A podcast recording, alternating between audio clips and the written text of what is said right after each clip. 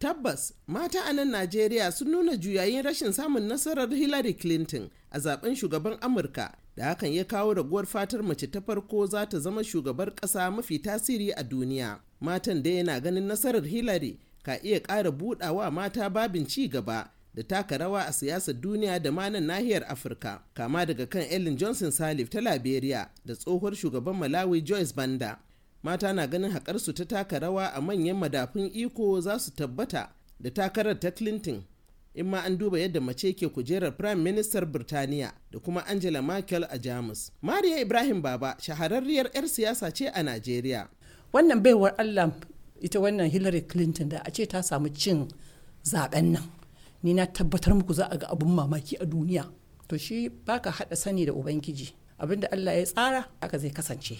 Saboda haka shi sa muka bar zancen haka amma gaskiya ban ji daɗi ba. To me yasa kike ganin da ta ci za a ga abin mamaki? Me kika hangan mata? Ki duba ki gani mana yau ake ruwa ƙasa na tsotsewa tun bil izin tun tun tale tale har zuwa yanzu. Su waye suke riƙe ragamar mulki a ƙasashen duniya? Maza ne.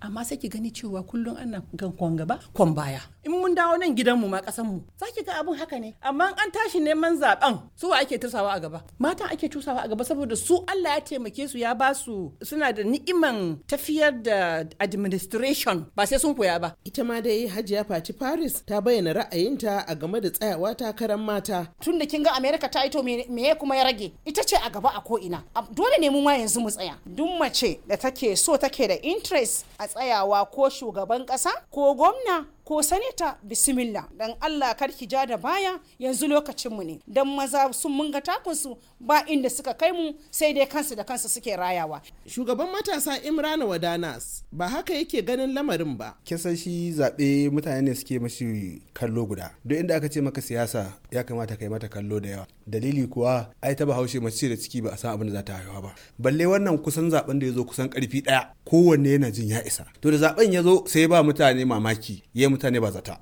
Wanda ni dama ban da cikin mutane da suke kokwantan ba za ta iya faɗuwa zaɓe ba. Dan dama ni ba so ta ci zaɓe saboda inda ni aka sha bamban da ni kenan. Me yasa ba ka son Hillary Clinton ta ci zaɓe ni abin da yasa ban son Hillary Clinton ta ci zaɓe saboda kawai ni al'ada ta bai amince da jagorancin mata a irin wancan jagoranci na kololuwa ba. Shi ma Abubakar Sadiq da ke sharhi kan lamurin siyasa na mara baya ga nasarar Trump amma kuma yana mai cewa da ma Hillary Clinton ce ta ci zaɓen. Zuwan mace cikin wannan harka shine zai tabbatar maka da cewa siyasa abu ne wanda yake ba kowa dama ya taka irin rawar da yake so wato ƙarfi da kwazo irin na mata sai ana taka musu birki. Ni ba birki nake so a taka musu ba. A sake su su fita a guje saboda su yi abin da ya kamata idan ba a yi haka ba to ba za a gane cewa wato mata za su iya wani ba. Za a bar mazaje. Kullum yau yanzu da zaɓen nan da aka kowa ce ki wash wash wash. Gobe su ake a ga me zai faru. Akwai mataye da dama wanda sun fi ƙarfin maza a ida ba sai sun yi magana ba.